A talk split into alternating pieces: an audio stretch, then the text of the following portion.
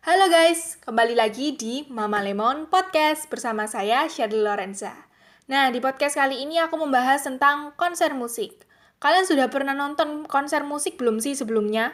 Mau online, mau offline, pernah belum sih? Kalau aku sih belum ya guys, dan tapi aku barusan banget lihat di YouTube tentang konser piano di Jepang. Aku baru aja lihat konser dari Nobuyuki Suji. Hah, Nobuyuki Suji? Iya guys, Nobuyuki Suji, pianis terkenal mendunia dari Jepang. Nah, Nobuyuki ini membawakan musik tentang Elegy for the Victims of the Tsunami of March 11, 2011 in Japan.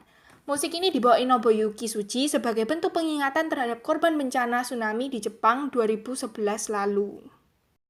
Sebelum kita lanjut membahaskan tentang Nobuyuki Suji konsernya yang di Jepang itu yang aku barusan lihat dari YouTube, aku mau ngasih tahu nih ke kalian bahwa seorang pianis yang hebat dapat membawa permainannya hingga ke hati loh. Dan seorang pianis juga harus mampu menekan tiap tuts piano dengan perasaannya.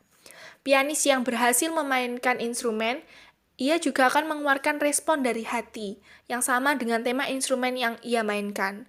Jadi misalnya instrumen yang ia mainkan adalah sedih, slow, seorang pianis yang hebat akan terbawa perasaannya ke dalam instrumen itu, hingga menangis, merasa sedih misalnya.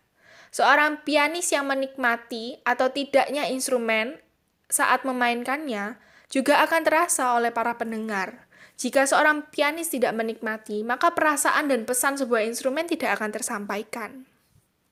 Lanjut lagi nih guys, setelah membahas tentang seorang pianis, tentang perasaan dan permainannya, kita lanjut lagi membahas tentang konser Nobuyuki Suji di Jepang. Ya, jadi yang aku lihat dengan keterbatasan Nobuyuki Suji ini tidak menghalanginya untuk berkarya loh guys. Di tengah kondisinya yang buta, Nobuyuki itu mampu menghipnotis para penonton dan pendengarnya. Nobuyuki ini berhasil menekan tuts dari piano dengan sangat indah dan sangat sempurna. Semua penonton terpukau dan terharu karena permainan Nobuyuki berhasil menyampaikan pesan dan rasa yang ada di dalam instrumennya. Keberhasilan permainan Nobuyuki Suji ini dirasakan oleh dirinya sendiri loh guys. Bahkan dirinya sendiri pun sampai merasakan tentang permainannya sendiri. Dia menangis, meneteskan air mata sepanjang pianonya dimainkan oleh dia sendiri hingga akhir. Dia terharu atas pesan-pesan dari instrumen itu tadi guys. Nah, pada konser ini Nobuyuki itu berhasil menguasai panggung dan pianonya. Jadi penampilan Nobuyuki waktu konser itu sangat-sangat memukau dan mengagumkan banget. Perasaannya membawa Nobuyuki sendiri dan para penonton masuk jauh ke dalam instrumen. Hingga menikmati sampai terbawa perasaan, menangis, sedih. Pokoknya memukau banget sih guys permainan Nobuyuki ini. Permainan Nobuyuki Suji ini juga berhasil loh membawa penonton ke bayangan tsunami Jepang 2019 lalu. Keren banget kan? dan sangat memukau pastinya.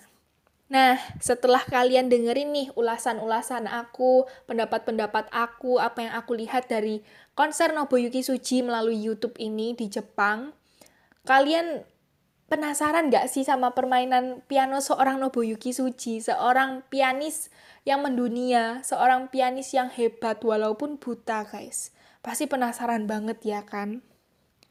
So, permainan piano Nobuyuki Suji berikut ini akan membawamu masuk ke dalam instrumennya. Dengerin ya guys.